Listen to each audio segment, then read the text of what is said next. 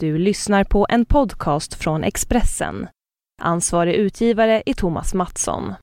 Fler poddar hittar du på expressen.se podcast och på iTunes.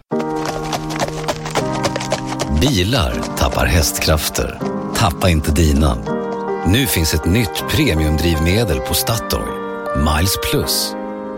Miles Plus renar motorn och ger din bil mer kraft och acceleration. Läs mer på Statoil.se. Tanka Miles Plus på din närmaste Statoil-station. Välkommen!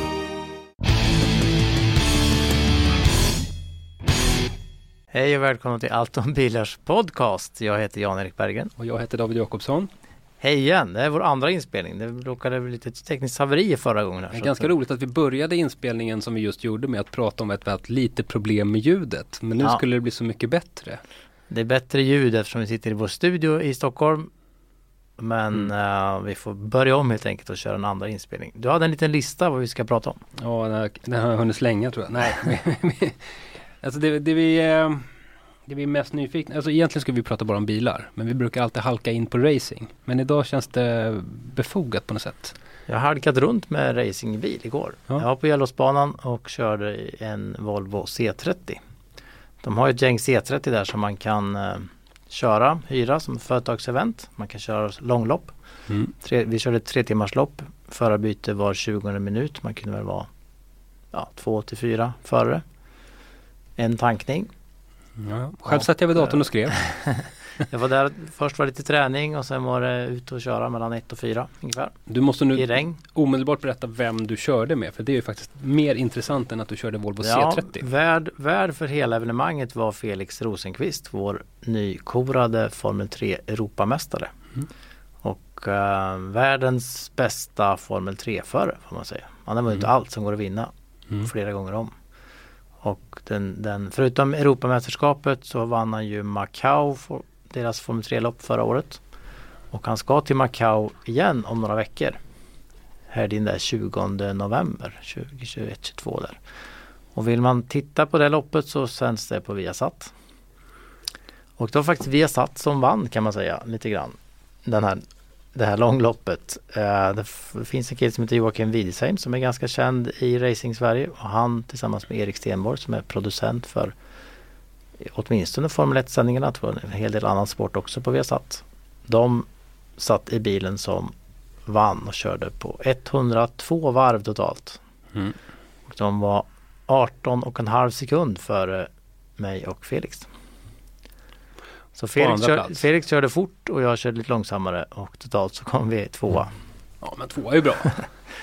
de, de, uh, Joakim var lite snäll där för han hade sa att vi hade tajmat våra förarbyten att det tog lite för lång tid för oss att byta, byta förare. Men det är ju ändå seriöst att tajma konkurrenternas förarbyten under, under race för att hålla koll sådär. Jag vet ju att de, eh, de hade kört det här eventet var, det var inte första gången de körde det upplägget och de har, några har ju kört mycket långloppet av de här mm. människorna som var där. Eh, jag tyckte ändå det var imponerande av Felix att konsekvent vara 2,5 till 5 sekunder snabbare per varv än den som var näst snabbast. Det är väldigt mycket tid på Gelleråsen. Väldigt mycket tid på, på Gelleråsen med de bilarna och i det, det, ja, det vädret som var. Mm. Alltså det går inte att göra så mycket med den bilen tycker man. Men han var ju då direkt eh, och man märkte ju en stor skillnad direkt att, att han, han kom ner till sina varvtider på en gång. Mm. Alltså han körde ju inom några tiondelar hela tiden. Det var lite trafik ibland så man blev lite, han blev lite uppehållen bakom någon och så här. men annars så höll han ju liksom varv på varv på varv direkt. Vi, vi andra vi är så här man åker runt och så kör man så här ett varv kanske ja, första flygande kanske på, på sin, sin, eh, ja, sin tid där ute kanske fyra sekunder långsammare än det snabbaste varvet. Man äter sig ner, man får lite fritt varv och man, ja, man, får, man kommer ifatt någon, då är man genast långsammare. Liksom. Mm. Och sekunderna rullar ju jättesnabbt iväg. Mm. Det är mycket lättare att tappa tre sekunder än att köra in tre sekunder på någon om, om det är fritt. Och man ska ut och in i depån, man, så här, man saktar in lite för tidigt in i, i sista kurvan och sen håller man ut och svänger in och så här. Han var så här konsekvent, pang, pang, pang. Mm. Jätte, jätteduktig och eh, hans meriter är ju enastående. Han har kört fyra år i Formel 3, han har kontrakt med Mercedes. Han har ju velat gå till DTM i många år men det är ju lite politik där för att de vill ha vissa nationaliteter på sina förare Mm. kanske ena året och eh, de slussar ju vidare unga talanger från Formel 3 till ja, via DTM eller direkt till Formel 1. DTM är alltså tyska tourenkormästerskapet. Ja, med där, Mattias eh, Ek, där Ekström kör. En uh, Mercedes-förare som heter Verlaine vann i år och som Mm. eh, ska in i Formel 1 om det går. Det beror lite på vilka mot- motorkontrakt som Mercedes kan skriva Mm. med Manor och andra. Och vad de kan tvinga sig till i varje form av att de tar förare också. Eh, då kan det bli en plats ledig för Felix men annars så siktar väl han, eller det naturliga steget är väl GP2 om det går. Mm. Det berättar ju du att hans team eh, har sagt att de ska Ja, vidare. han har ju tävlat nu för Prema, ett, ett team där flera svenska förare har kört genom åren. Mm. Björn Wirdheim har kört där, Peter Sundberg har kört där. Ehm, ett duktigt Formel 3-team som nu ska växla upp och köra GP2. De har köpt ett GP2-stall och ska då flytta över resurser och människor dit. Och det, de vet ju vad duktig Felix är i alla fall. Mm. Så det, lå- låter väl ingen, det är väl ingen tvekan om. Eh, det finns ju, jag kommer inte på namnet, man har haft en, en ehm, teamkompis som, som, har, eh, som han har liksom lärt lite grann. Som jag kan tänka mig också vill växla upp till GP2 då. Mm. Kanske han kan följa med där som lite mentor åt honom. Eh, väldigt, väldigt duktig förare, väldigt talangfull och man kan bara hoppas att han nu kan ta det svåra steget upp till en fin elitkarriär. Han har ju haft en enormt fin juniorkarriär. Finns det någon som är i närheten av eh, hans cha- chanser att bli nästa Marcus Eriksson? Ja, vi har väl den här Gustav Malja som har provat på GP2 lite grann. Vi har ju de här bröderna Eriksson som finns med internationellt och kör formelbil. Ehm, så det finns ju rätt många svenskar som är ute och kör. Mm. Men Felix har ju meriter som, som in, ingen annan faktiskt eh, som är ute nu. Kanske Marcus inkluderad. Marcus var också duktig i Formel 3 och besegrade. Om jag minns rätt nu så var det väl där han slog Ri- Ricciardo va? Ja, japanska Formel 3. kan stämma. Han stannade ju inte så länge i Formel 3. Nej. Utan gick snabbt. Han körde många år i GP2 istället. Mm. Ehm, ja, det, är svårt, det är svårt att jämföra förare från år till år och sådär men, men man kan ju säga att Felix har ju slagit nästintill alla i Formel 3 de senaste fyra åren. Så det är ju väldigt han har väldigt bra meriter. Så jag hoppas att eh, om det finns någon rättvisa i den här sporten så får han i alla fall en chans att visa vad han kan i snabbare bilar. Vi, de- spelade, vi spelade in en film med honom, eller jag spelade in en film med honom när han snurrade runt Gällåsen i en eh, Mercedes C450. Mm. Han gillade den bilen. Han har ju som sagt kontrakt med Mercedes. Han måste ska han gilla den bilen. Han ska gilla den bilen. Men han, han körde ju riktigt fort. Han var så här, han sa att nej men kör inte för fort nu för då, då kommer kameran att skaka och då kommer vi inte kunna spela in något. Men eh, han körde rätt på, fort ändå. Tyckte det var mycket bättre grepp i den än i Volvo C30. Gillar du bilen? Merca? Ja, det ser lite, jag vet, det ser lite tråkigt ut på utsidan. Ser lite gubbig ut. Men det är väl lite tyskt signum nu att det ser aldrig riktigt coolt ut. Nej, jag, vet, jag gillar, då, då hade jag nog, jag gillade deras shooting brake bilar och, och, och uh, suvarna och kanske, ja men sedanerna vet jag inte. Mm. Ja, lite Ja. mesig baklänges, alltså nej inte riktigt. Men den är skön att köra. Ja, vi har ju varit ett stim när vi har hyllat Mercedes nu Ja, ett tag. Hur vi ville nu skulle jag göra inspelningen med, med Felix där så då tyckte jag att det var bättre att göra i en Mercedes än i en BMW kanske. Mm. Så det var väl därför som jag testade den till och från Karlskoga. Ja. Men Karlskoga var sig likt i alla fall. ja, det är härligt. Ja. Du känner igen dig? Jag känner igen mig. Ja. Det är ju, ska man äh, ge ett tips så är det här, åk dit och kör de här till 330. Gör ett litet företagsevent eller kompisgäng-event och kör långlopp. Det är fantastiskt kul. Det är då- mycket körning. Och då är det Lennart Bolin man ska ringa. Lennart Bolin som har de här bilarna Mm. och lite andra bilar också. Men, men det kan ju låta lite mesigt att köra tre- C30 men det, det går tillräckligt fort. Mm. Jag har kört långlopp med en gammal Golf. Det har du också. Ja, 130 hästar. Funkar utmärkt. ja. Mm. ja vi var väl uppe i 160-170 kanske på raksträckan här. Ehm, Felix har ju kört ganska mycket de där. De, nu kommer jag inte ihåg siffran men tydligen är det så att han har varvrekord på de där i torrt. Eh, Mm. Helt överlägset alla andra.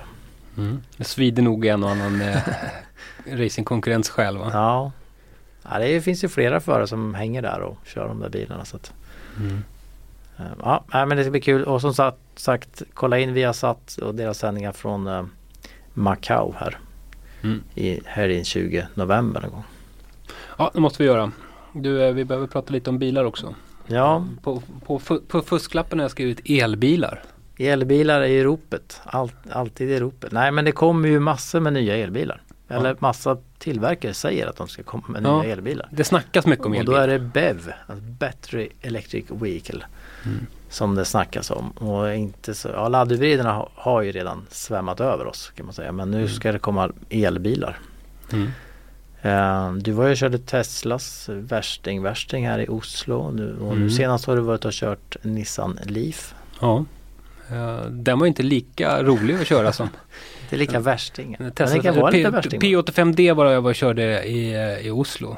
Det är ju den här bilen som fick det berömda insane mode.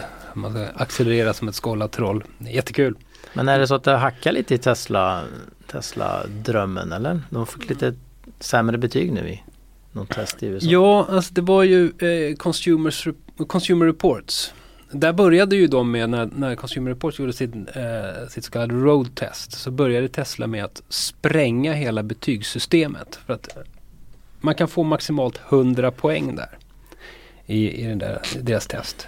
Men på något sätt så lyckades de få 103 poäng. Vilket eh, fick eh, Av, Consumer, av Consumer Report. ja, 103 av 100 vilket eh, har fått dem att Och det, det är alltså testare som sätter betyg, det är inte allmän. Nej, det, det, allmänheten. det är de testar, de testar bilen. Sådär. Men nu kommer ju en rapport där eh, eh, bilägare själva beskriver sina bilar. Och då såg det inte lika bra ut. Utan då plötsligt så anmärktes det på en hel del eh, kvalitetsproblem med Tesla. Eh, man pratade bland annat om inredningen. Eh, man pratade om eh, Ja, vad var det man pratade om? Jo, panoramaglastak som läckte. Eh, och så var det ett antal elmotorer som man hade varit tvungen att byta ut. Och det var så pass att eh, eh, Consumer Reports eh, slog fast att de inte rekommenderar bilen. Det är ju ett riktigt tapp. Det är ett riktigt tapp. Men samtidigt i den här undersökningen så säger 97% av alla Tesla-ägare att ja, jag skulle välja samma bil igen. Ja, det kan jag tänka mig för alla som hör av sig till oss i alla fall är ju helt övertygade om att det här är världens bästa bil. Mm. Alla kategorier. Härligt att de tycker det. Ja. Ja. Men, men du Consumer Report, de hade, sa de någonting om batteriet eller? För jag har hört viskas om att batteriet inte eh, Det var faktiskt en Tesla-ägare som har mejlat mig Vi har varit i lite debatt med dem här men han mejlade och berättade att batterierna eh, inte laddar riktigt så bra Mhm. eh, om man ja, om man laddar ur dem eller eh, när man snabb, ska snabbladda dem så ska man inte ladda fullt. Då. Ja, det var lite krångel med laddningen. Ja, det är tråkigt. Ja. Men, ja. Ja, de är ju väldigt aktiva de här Tesla-människorna och hör av sig till oss så fort vi skriver om Tesla. Och eh, Mm.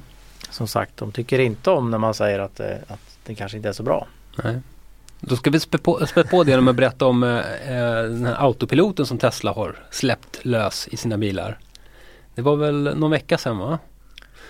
Eh, så kom uppdateringen genom luften ner i ett antal Tesla-bilar och eh, plötsligt så kan bilen ta kontroll över gas, broms och styrning själv ute på, på motorvägarna. Det var i USA som det första, de första bilarna fick detta. Eh, Men det, var föraren slår väl på det eller? Ja, jo, jo. Det är inte så att bilen bara tar över. Det skulle bli tråkigt. Eh, det var ju någon som, eh, som skulle göra en video på det här och visa hur det funkar ute på motorvägen. Som, ja, men kör, det funkar ju klockrent. Bilen höll farten, bilen eh, eh, höll sig i filen och så vidare. Men eh, plötsligt så missade bilen att eh, någon, någon vägskylt som visade att hastigheten var sänkt. Så den dundrade igenom någon slags område där jag tror att det pågick någon slags byggarbete eller sådär. Jag körde 15 miles för fort vilket den lokala polisen uppmärksammade och stoppade då den här självkörande Teslan och bötfällde föraren. Det var, det var ja. Det är ju det här, det här systemet, det är precis det man pratar om med självkörande bilar. Dels är det ju såklart vem ska ha kontrollen och, och hur ska de här veta exakt vad som gäller för stunden. Mm. Mm. Och då är det olika system. Om allting kan man läsa skyltar eller också kan man ha tät kontakt med en databas som Mm. uppdateras då. Och eh, i det här fallet så skulle kanske typ någon transportstyrelse eller något ha, ha liksom knappat in i sin databas att nu är det nedsatt hastighet här för att det är vägarbete och sen Mm. ska den då uppdateras mot den här. Mm. Eh, Men då måste det göras tillräckligt, tillräckligt ofta och Mm. det ska hinnas registreras. Och, ja, man förstår ju att här finns det felkällor. Mm. För skyltläsning funkar ju inte alltid. Ja, skyltläsningen funkar inte heller alltid beroende på att det kan vara något som står för eller, Mm. eller sånt. Eller att det är fel. Solen står lågt. Och, ja. Det har man ju Så- provat. I, även när det inte är något fel så funkar inte skyltläsning alltid. Det har jag varit med om med flera bilar. Volvo till exempel. Som, jag körde på, någon, på, någon, eh, på en 50-väg över en bro och plötsligt fick jag upp en Ja. motorvägsskylt och 110 i displayen. Liksom. Så det, det, är, det är ju det här Ja. mycket självkörande bilarna handlar om och, och hur ska det fungera och var ska det fungera. Så jag blev faktiskt lite förvånad när, när jag hörde om det här att de skulle uppdatera sina bilar Mm. med den här tekniken bara sådär. Mm. För att det finns ju enorma felkällor. Mm. Även om jag tror att de, att de kan få till själva i alla fall motorvägskörningen. För det säger många tillverkare, det skulle de kunna lösa imorgon. Mm. Om bara regelverket fanns där så skulle de kunna skulle vi kunna ha självkörande bil från uh, Södertälje till eh, Malmö utan problem på motorvägen. Mm. Få svänga lite i Jönköping bara själv och så. På igen. Men, men sen är det ju betydligt svårare när det kommer in i tät, tättbebyggt område Mm. eller i, i stadstrafik. Mm. Då är det inte lika enkelt längre. Nej. Och det visar kanske det här försöket då. Men eh, Tesla har ju sin publik och ehm, jag har skrivit ett långt blogginlägg om vad jag tycker om Tesla bara för att försöka reda ut ett och annat. Man hamnar, man hamnar i så här Twitter trådar och sånt och försöker på 140 tecken berätta vad man tycker om Tesla och varför man inte tycker att det kanske är jättebra kvalitet eller varför man tycker att den är för dyr för vad man får eller, Mm. eller att andra kommer att göra det här mycket bättre eller har större förutsättningar att göra det bättre i alla fall. Mm. Men eh, den är ju, ja, gå in och läs där och det finns ju ett Tesla Club Sweden forum där den här också debatteras och får svar på tal med mycket bra åsikter också om, om både batteridrivna bilar och, och framtid och vätgas och hela den delen. Mm. Ja, det är spännande. Ehm, det, det finns ju eh, med batteridrivna bilar så kan man tänka sig att batterierna blir bättre och bättre men hur bra kan de bli? Mm. Och, och vätgas är ju Toyota i framtiden men så finns det ju människor som kan kemi som säger att det går åt jättemycket energi att, att göra vätgas. Mm. Eh, det kanske går jättemycket energi att bygga ett batteri också. Och det går jättemycket energi åt att eh, raffinera olja. Mm. Så vi får se. Ja. Det låter, om, om man, det låter ju rätt korkat att pumpa upp olja i marken och, och, och transportera runt över hela världen och Sen trycka ner i en bil och sen elda upp det. Men, Mm. men det har ju funkat så det kanske funkar med batterier också. Men Volvo ska göra en elbil. Ja, och det är ju jättespännande. För Mm. det är ju inte länge sedan som ett antal Volvo-chefer, till exempel Håkan Samuelsson, har sagt att nej, Volvo ska inte göra en elbil. Nej, de har lite raljerat Mm. om det här. Volvo har till och med valt Tesla som exempel. Nu minns jag inte vem det var jag pratade med. Ja, någon, någon Volvo varför ska man släppa runt på 400 kilo batteri? Det verkar ju inte klokt. Nej. Sådär, så har deras tongångar gått. Men, Aston Martins förra VD var ju, han skrattade ju när vi pratade om, mm, om elbilar och laddhybrider och han bara nej det är helt vansinnigt, helt vansinnigt att köra runt med batteri. Det mm. kommer aldrig fungera. Ehm, Men nu, nu, ska har det hänt både, något. Nu ska både Aston Martin göra en, en bil som är 35 mils räckvidd tror jag. Mm. Porsche Och visade upp en på Frankfurtsalongen. Ja, Audi kommer snart. Volvo ska ju till, var det 2019 om jag minns rätt nu? Mm. Har plockat fram en um, elbil med minst 50 mils räckvidd. Mm. Byggd på SPA-plattformen, alltså den stora. Samma som XC90. Och kommande S90 och V90. Ja, och XC60 och S60 ska byggas på samma plattform. Mm. Och man säger, man tror väl, eller jag, jag tror ju att det blir på en 60 serie Mm. i någon form. Det vore ju kul som du var inne på att de bygger en ny, helt egen bil. Ja men det är bara att hoppas på. Att de Ja. skulle plocka fram den här Coupe Concept, den här snygga kupén som de visade upp i Genèvesalongen för Ja. vad är ett och ett halvt år sedan. Men det, En ja, lite, eh, ja men det kanske vore något. En liten liksom mittemellan XC60 och S60. mm, En liten sån här 5 serie GT typ. Liksom. mm, Så mitt, mittemellan bilen. ja, det kanske blir något sånt. Mm. Jag tror mer på ditt spår i och för sig med XC60. Det låter ju... Ja, jag var ju på Volvo när de berättade det här och då berättade de också att deras nya CMA-plattform för små bilar är klar. Mm, Som de har utvecklat i Göteborg tillsammans med Geely. mm. Massor, massor med ingenjörer som jobbat med De det har ju smackat ihop en helt ny eh, anläggning där, eller ett helt nytt center där de ska Ja. bygga bilar och ny teknik ihop. Och det blir då tre och fyrcylindriga motorer i de här Mm. bilarna. Och den trecylindriga är då en fyrcylindrig fast ned, nedtagen. Mm. Ehm, ja men det är kul. De vi tror ju att det är XC40 som är första nya bil på den nya plattformen och den i så fall skulle den komma ja, till modell år 2017 som ett år drygt då. Ett och ett halvt år. Mm. Vi har ju nu faktiskt i dagarna sett bilder på en eh, så kallad mula. De har tagit alltså den nya bilen och sen så har de klätt den i en gammal kaross. Och I det här fallet har de valt en V40, gamla V40. Det finns spionbilder på den här när den fräser runt och de testar. Um, det avslöjar väl inte sådär jättemycket egentligen om hur den där bilen kommer att se ut men eh, vad vi ser är ju att den är högre och att den har bredare spårvidd. Är det något mer vi ser? Nej. Nej, jag har ju Det, det, sett flera nya bilar, bilar där på Volvo. När de, när de eh, berättade om plattformen elbilen så visade de också upp två utav de bilar som ska komma. Ehm, de visar också bilder på på S90 V90 som, vi, som är bara några veckor bort. mm. Verk, verklig bil. Ehm, de ska ju visa S90 någon gång första veckan i december. Och sen ska de visa den i Detroit bilsalongen. Men den kommer nog förmodligen finnas i Stockholm de dagarna också.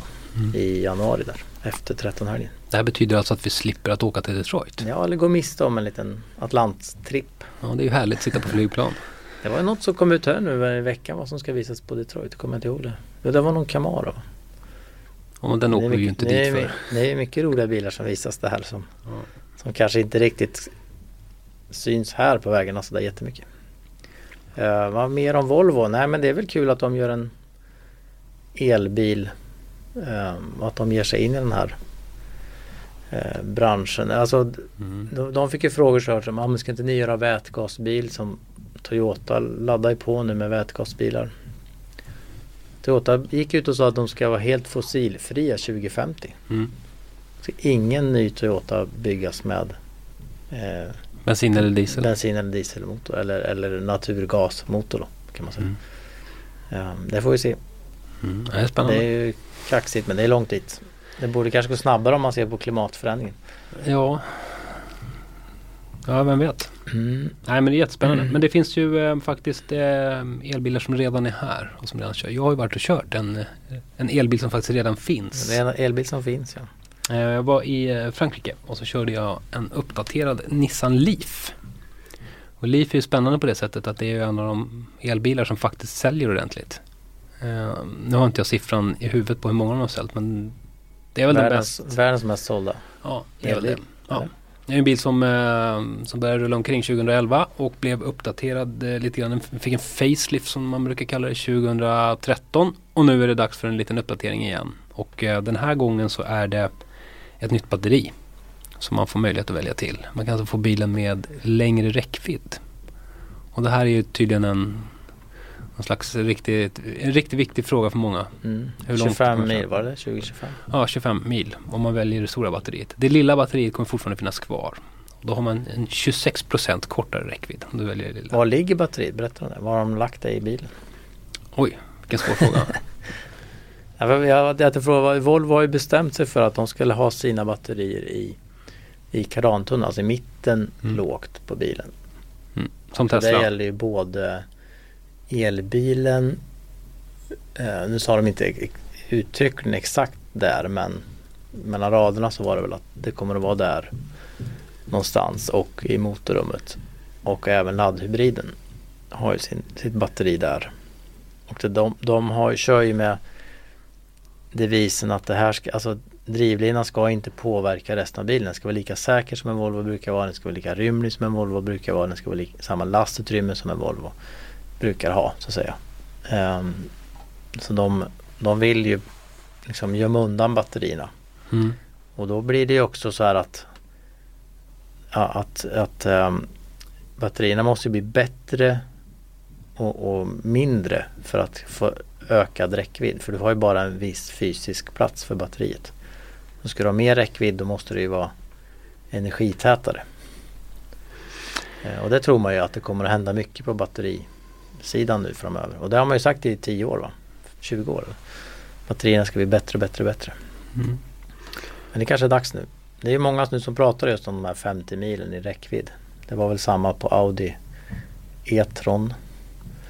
Konceptbilen skulle väl ha så här 50 mil. Mm. Ja, det verkar, det Aston verkar vara någon slags ma- magisk 30 gräns. 35 mil. Ja men nu tittar jag på en bild här på Nissan Leaf. Ja, men det ligger där i mitten. Under passagerarstolen Ja. på något sätt. Men Den är rätt tråkig den Leafen. Men faktum är att jag tycker om att köra, tycker om att köpa, köra Leaf. Eh, Den ser lite så... ja, den är inte, den är inte så kul. Gamla ut. mikrar var ju rätt okej men nya och Det här är lite Men den samma. riktigt gamla Micra, Ja. den så kallade Nissan Harakiri. en av de farligaste bilar som någonsin har byggts. Och de såg lite roliga ut ett tag men Ja, men, nej, men Leafen, Leafen är, eh, ser väl rolig ut kan jag tycka men den är inte speciellt vacker. Det, det håller jag med om. Men att köra den är rätt trevligt ändå. Nu körde vi från eh, Nice och så körde jag upp, eh, upp i bergen en bit. Eh, att köra elbil där med fullt vridmoment direkt från noll är ganska schysst när man eh, kör sådana här stora stigningar och sådär. Det tråkiga är väl att man drar ur batteriet ganska snabbt och där Mm. får man ju omedelbar räckviddsångest. Sen så laddar man ju för sig upp rätt mycket när man åker ner igen. Men, Mm. eh, nej, men jag, jag gillar att köra Leaf måste jag säga. ja. Vi såg en Zoe här, det var samma drivlina va? Ja, jag såg Så till och en Zoe i Stockholm. Det var, Två såg vi faktiskt, samma, samma tur. Vi var och hämtade den där Mercan som du pratade om nyss. Mm. Den tycker jag också om. Zoe. Ja, den är mysig på något sätt.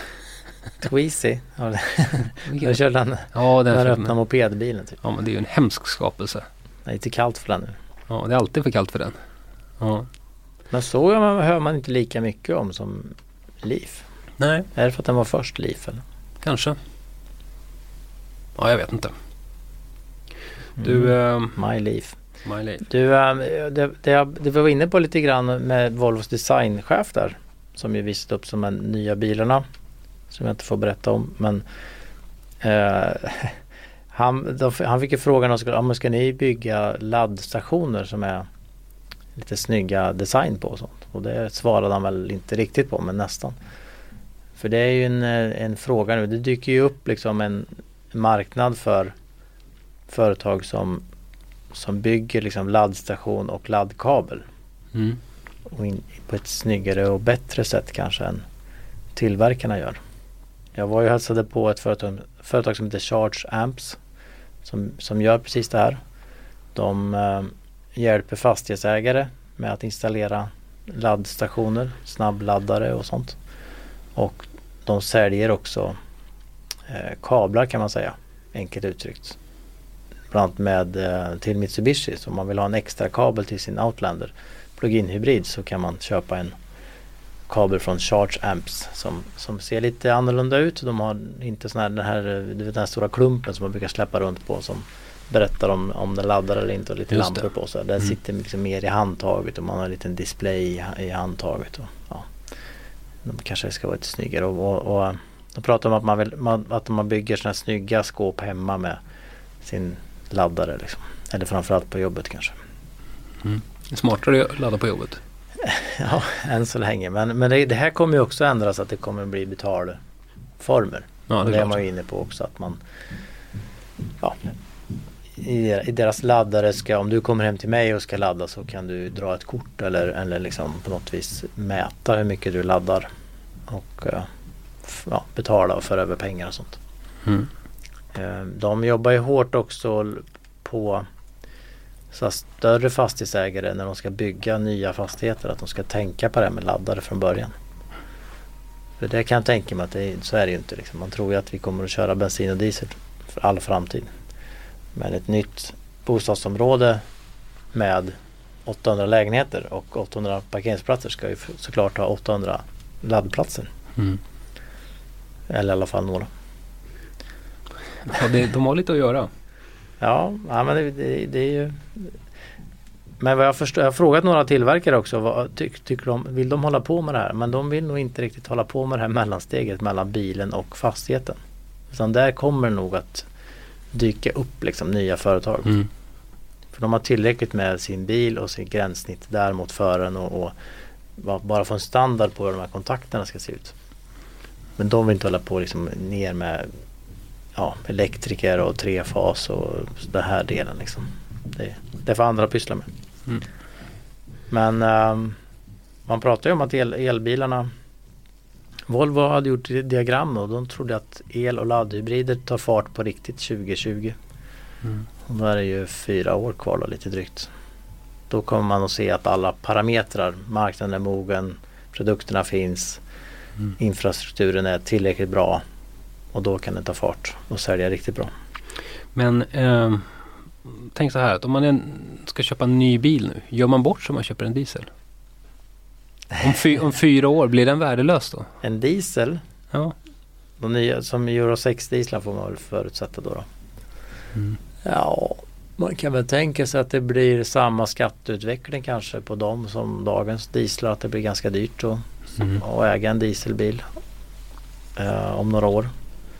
Man får väl se nu vad, vad eh, EU ska ju rösta om något slags nytt regelverk nästa vecka är det tänkt. Mm.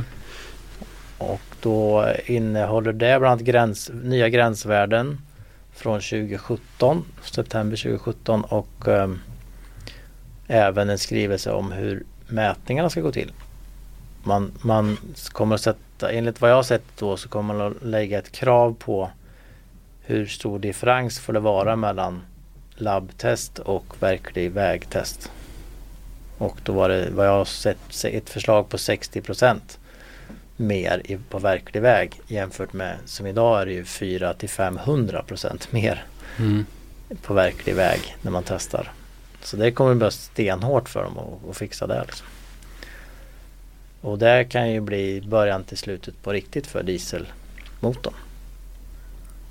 Eh, Vi får se. Sverige hade i början på den här veckan inte lämnat in något tyckande i den här frågan. Vi spelade in det här fredag och det var förra, för en vecka sedan så skulle alla länder ha tyckt till, till EU. Men eh, jag pratade med människor på miljödepartementet i tisdags var det och då sa de att nej det här har blivit en sån känslig fråga så vi kanske inte kommer att svara. Okej, det låter ju betryggande. Ja, vi kanske inte kommer svara någonting alls eller också kommer vi kanske svara men vi vet inte om svaret blir offentlig handling. Ja, så, så Men är inte det lite stört eller? Vill, Ja, det- vill vi inte det- lite veta vad vad, vad våra representanter står i det här? Jo, absolut. Speciellt nu då, efter den här dieselskandalen har ju lockat fram väldigt många politiker som med hårda ord har gått, gått fram mot folkvagn och bilbranschen och, skrikit det ena och det andra. Mm. Sen kanske inte det rimmar då i, med vad de själva vill ha igenom hos EU. Eh, Kan vara man, så- Kan, man, kan ju, man kan ju tänka sig att som någon eh, i, ifrån ett alliansparti sa till mig att de säger en sak mot väljarna och en annan sak mot EU. Det låter ju bra att säga att man är tuff mot bilindustrin när, i det här dieselskandalfallet. Men sen Mm. när, man, när man står där och ska stä- ställa krav då vågar man inte för man, man är rädd för bilindustrin och alla arbetstillfällen och sånt. Men kan det vara så illa att de inte riktigt vet vad de vill? Ja det är ju tekniskt komplicerat faktiskt. Mm. Fick jag ju klart för mig när jag pratade med dem. Men, men eh, det finns väl experter som kan det där utan innan såklart.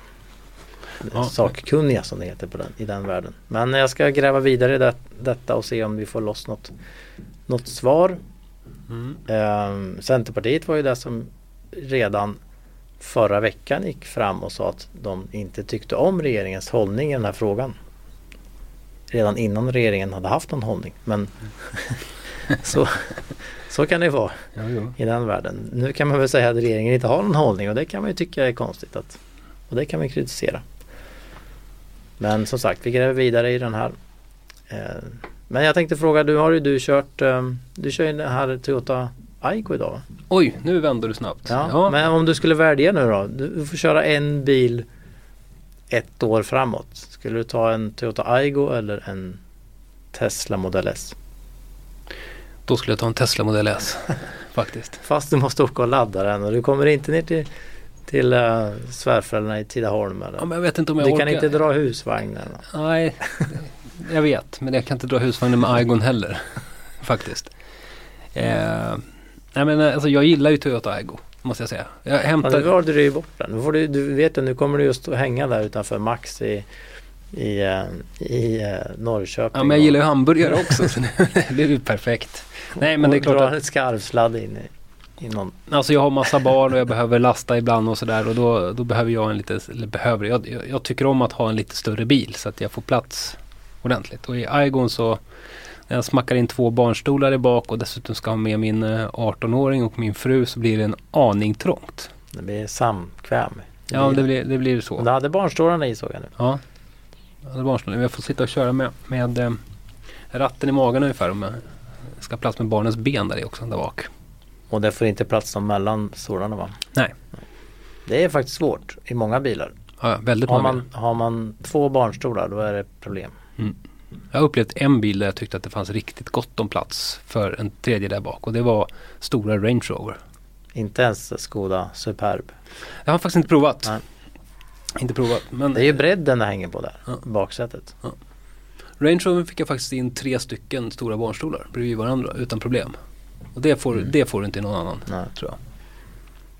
Nej, Eh, jag hade ju, mina barn är ju större nu men när jag hade små barn i barnstol så var det ju ofta problem med att sitta mellan de två i baksätet. Mm. Och det gick inte att sätta dem bredvid varandra. Så en i mitten och en på sidan. Nej, Det, gick, det fick inte plats liksom. och även om du får plats så kan det bli ganska dålig stämning. Så Ja. barn som, uttråkade barn som sitter bredvid varandra så för, nära. för nära varandra. Ja.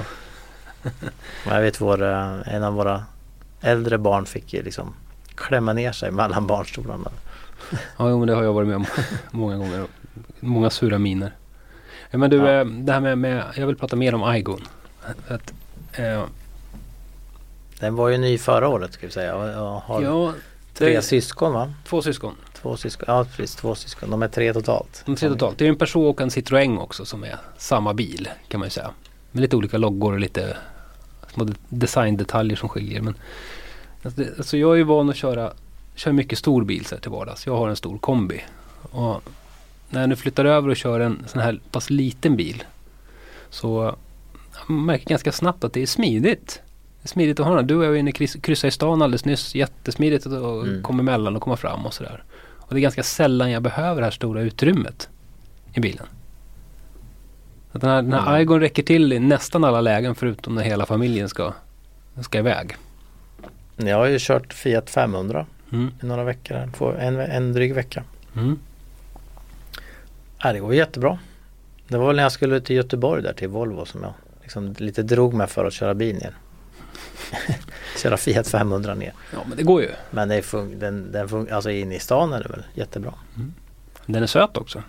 Så, Ja den är kul. Mm. Men man känner sig lite liten bredvid en långtradare i de här. Jo. Ja, men absolut, och man kör ju inte så fort och man kör ganska lugnt i de där bilarna. Liksom. Ja. Det hörs ju direkt när man varvar för hårt. Vad är det för motor den där Fiat 500? Ja, den, eh, den som eh, jag lämnar över till dig nu det är väl 63 eller 67 hästar va? Ja, jag har inte hunnit köra Det den är än. inte så mycket Ja. att skrämmas med. Aigon är inte mycket heller att hänga i gran men det är, det är en liten trecylindrig motor som funkar utmärkt. Ja.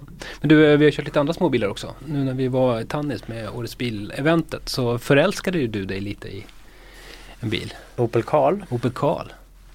Ja. Nej men jag gillar, det- jag gillar den. Den var ju väldigt stabil för att vara lit, så liten och relativt tyst också för att vara så liten. Så. Det brukar ju vara problemet med de här småbilarna att det dundrar ju för jävligt. Och Ja. Det vinglar kanske lite mycket i hög fart och så men Nej men den gick ju riktigt bra. Mm. Vi körde Honda Jazz också. Mm. Hade den störst baksäte i, Mm. i klassen. eller? Den är ju lite större. Det är lite Bilen. större. Framförallt är, ju, är det ju baksäte. Det är ju där man märker det tycker jag. Mm. Men där fanns ju jättemycket utrymme i bak. Ja. Mm. Så den, eh, den, den är väl ett alternativ om man just letar efter det då. Om man till exempel har barnstolar. Så där hade du inte behövt ha ratten i magen då. Nej. Eh, Det är väl bra tänka på om man ska köpa en liten bil. Och Okej. ha barn. Ja. Köra barn till dagis och sånt. Det kan vara bra att ta med sig ett barn och en barnstol och prova. Ja, Hur verkligen. funkar det här? Mm. verkligen. Ja, nej, min, eh, det är många som tänker på mindre, mindre bilar liksom. Mm. Såklart och det är bra. Mm. Större bilar blir tyngre bilar och då drar de mer bränsle. Mm. Ja. Min far funderar på att byta bil. Han ska byta bort sin BMW X1 mot en förmodligen mot en Skoda Octavia. Mm. Nu pratar vi begagnat då men ehm, det är ju ett sätt att gå ner nu. Gick- då- Det var ju framförallt en skattefråga. Han tror jag betalade åtta, över 8000 i skatt för den här diesel BMWn. Vad är det för motor den då? Och eh, jag vet faktiskt inte men han har 8 500 i skatt på den. Herregud. Och eh, Octavian var väl 1500 någonting. Ja det är viss skillnad. Du eh, BMW X1 annars, den har jag precis skrivit ett nybilstest på. Jag har Ja. kört nya BMW X1. Nya nya ja. Säljstart i helgen. Vi Mm. spelar in som sagt fredag. Det här är Mm. säljstart nu. Och det där var ju en, eh, du körde också bilen när vi var Ja. återigen i Tannis. Det är en bil som har bytt skepnad helt. Va? Den har blivit högre och den bygger på en ny plattform. Mm. Samma plattform som Active Tourer. Och Mini. Mini första helt framhjulsdrivna Mm. plattformen kan man säga. Mm. Tvärställda motorer. Hel, en eh, väldigt nytt utseende. Det är Mm. mer upprätt va? Var det? Ja, lite eh, Fronten är mer lik 5-serie, eller X5 till Ja. exempel. Den här lite avsmalnande breda eh, grejen. Det var väl det de förklarade för mig. De, alltså, de ville få ihop sin ex-familj lite Mm. bättre än förut. Vad, ty- vad tycker du om bilen? Nya X1? Nej, jag körde inte jättemycket men, eh, nej, men jag tycker ju om den. Den är väl Det är väl ett jättebra alternativ om man ska köra SUV och inte behöver jättemycket bagageutrymme. Mm. Jag måste erkänd, ehm, jag måste erkänna att jag tyckte jag var inte alls sugen på den här bilen. Det var en sån här bil som jag inte var ett skit sugen på att provköra. Bi- Det kändes inte så nytt liksom. För mig var det liksom en icke-modell på något Ja. vis. Att det är ingen kombi, det är ingen SUV. Det är liksom Ja, det är så här, en Mm. modell som har pressat emellan alla sina andra modeller bara för att få en större palett av olika bilar som de kan sälja. Det var, Sprang efter 7-serien bara hela tiden. Ja, såklart. Och så hade vi en fin 3-serie där. Och så, ja, men det kändes som en sån här bil. Vad, vad ska man ha den till? Men när jag väl satte mig i bilen så ja, då, då fick jag en, en liten annan syn på den här. För den var ju jätteskön att åka i. Mm. Just att den är lite högre gör att man sitter lite högre och lite bättre överblick. Lätt att ge ur bilen. Plus att den lite längre fjädringsvägen gör att man får en annan typ av beteende i bilen. Den, den, den, den är ganska mjuk på ett sätt, bilen. Mm. Alltså ganska, ganska skön att åka i.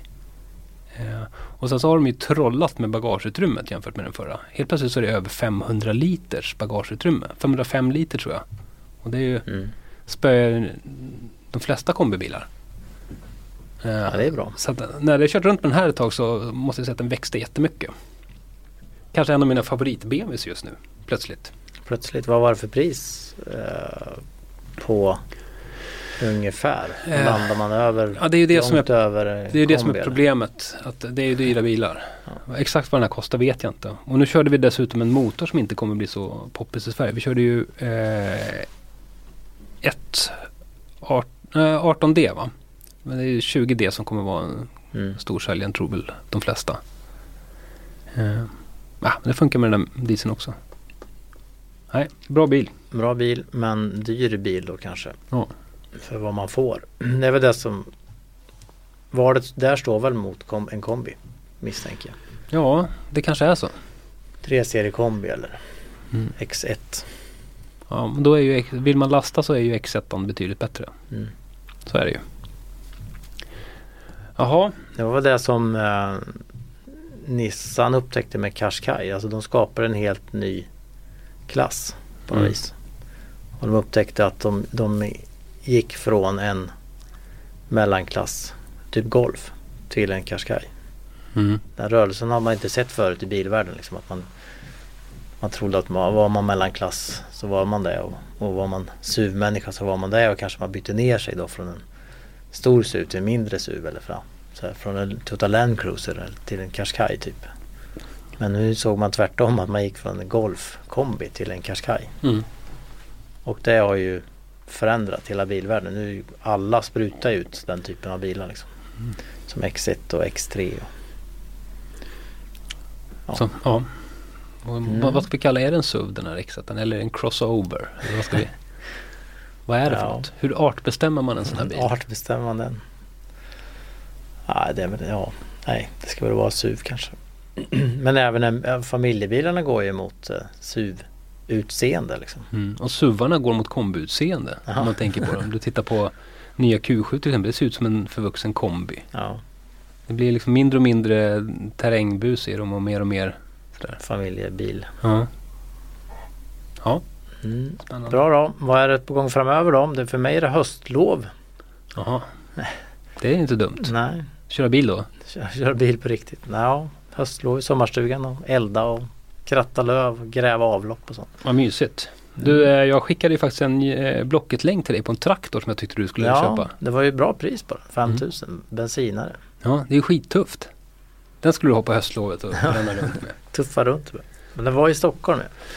Men jag Ska tror att du köra kan... ner Nej, ja, det kan köra du, till Skåne. kan du väl ägna dig åt om du är sugen. Men, men ja, du skulle ju faktiskt kunna få för dig det. Det är bra TV. Det är bra TV. Jag körde ju en äh, åkgräsklippare en mil när jag köpte det på Blocket. Ja. Tills jag blev, till slut blev boxerad av en kompis. Okej. Nej, Den där kan du väl möjligen, du kan beställa en transport kanske till traktorn då. Ja, Om du prutar tusen spänn och så, så har du råd med transporten. Eller ja. 2000 får du nog pruta då. Köra på en sån här bilsläpkärra. Vad väger en sån här traktor? Jag vet inte. Men var ju taskig hydraulik på den också va? Den var inte använd, den var inte trög. och så. Ja men du ska ju bara köra runt Ja, där. jag ska bara köra runt. Köra äppellådor. Mm. Dra släp till tippen. Så. Ja, ja. Det ska jag göra också. Jag ska tömma, tömma skräp. Ja, ja, det låter kul. Jag ska ju arbeta. Mm. Men när jag kommer tillbaka så ger jag mig direkt iväg till Madrid och kör um, Audi Q7 Plug-in hybrid. Ja, det är ju spännande. Mm. Och i vårt kommande magasin så ska vi ju då ta en liten fight mellan den och eh, Volvo X90 T8. Mm. Och det här är en diesel plug-in hybrid som Audi kommer med. Mm. Och de ska också prata mycket om sin eh, el och plug-in eh, teknik på det här eventet i Madrid. Mm. Sen är det ju fullt. November är ju fantastiskt mycket provkörningar. Ja, det, vi har ju lite att brottas med. Ja. Jag, ska jag, jag öppnar alla ju lite alla- starkt. Alla bilar som visades i Frankfurt ska köras i november typ. Ja, lite så. Några hann vi med i Tannis. Några- X1 till exempel. Ja. Ja. Det är, jag ska ju köra Renault Talisman och Kia Optima. Som Mm. vi trodde skulle vara i Danmark men som inte var där. Mm. Du ska köra Nissan Navara. Nissan Navara, Porsche. Porsche, ja precis. Då är det 911 med deras nya turbomotorer. Och eh, bankörning med Peugeot. Just det. Jag ska köra Peugeot 308 GTI. Det är väl den bilen som folk kommer att köpa. Och sen ska vi köra 308 R Hybrid. Som är någon... Det är ingen bil man kommer kunna köpa utan det är ett 500 hästars monster de har byggt ihop. Det ska bli Mm. roligt. Jag ska till Italien först och köra bil. Du ska till Italien, vad ska du göra? köra? Ferrari. Just det, det är nästa vecka. Mm. Eftersom jag har semester så lämnar jag över en Ja, jag är, Ferrari-körning till dig. jag är djupt tacksam. Men du, eh, det här med dig och du lämnar ju bort alla Ferrari-körningar jämt. Ja, nej det var ju en eh, historia som jag Ja, det här måste ni höra på. Det är det för- dummaste jag har hört. För 12 år sedan så hade jag beställt flytt. Eh, Jag och min nuvarande fru skulle flytta ihop kan man säga. Så vi skulle flytta två lägenheter till ett hus. Mm. Eh, Och ja, allt var uppstyrt. Det var den här veckan. Jag tog semester och gjort alltihopa. Och sen på fredagen tror jag man ringer, ringer telefonen och så får- då säger man hej det är från Ferrari. Eh, vi har en plats här och, och, vi undrar om du kan komma till Italien och köra Ferrari Enzo. Mm. Och eh, då inser jag att det här kommer ju inte att gå. Jag kan ju liksom inte bara försvinna här två dagar mitt i den här stökigaste veckan på hela året. Så att jag föreslår att min eh, dåvarande kollega skulle få köra. Det var innan du hade börjat. Och sa att vi är absolut gärna med men eh, i så fall så får det bli den här personen så ja, hör av er igen. Sen hörde vi aldrig något mer. Så gick jag miste om den. Eh, oj, här, oj.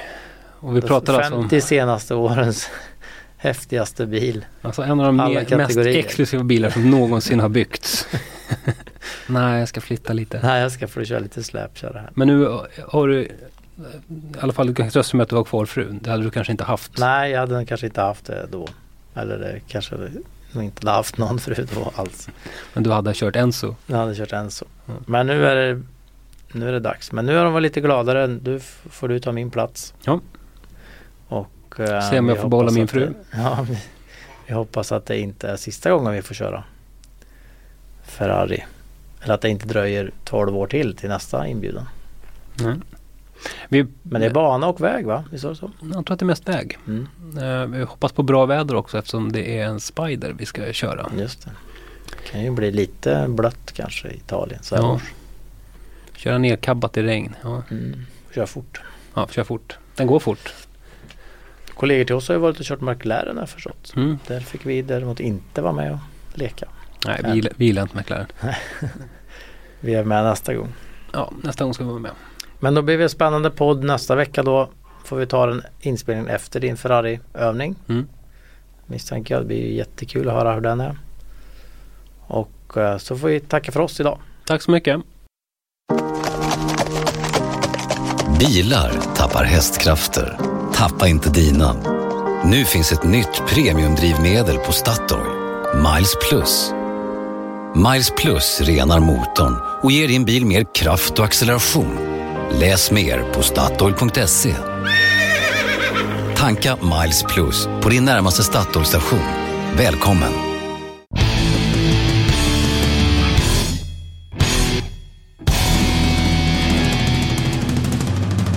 Du har lyssnat på en podcast från Expressen. Ansvarig utgivare är Thomas Mattsson. Fler poddar hittar du på expressen.se podcast och på iTunes.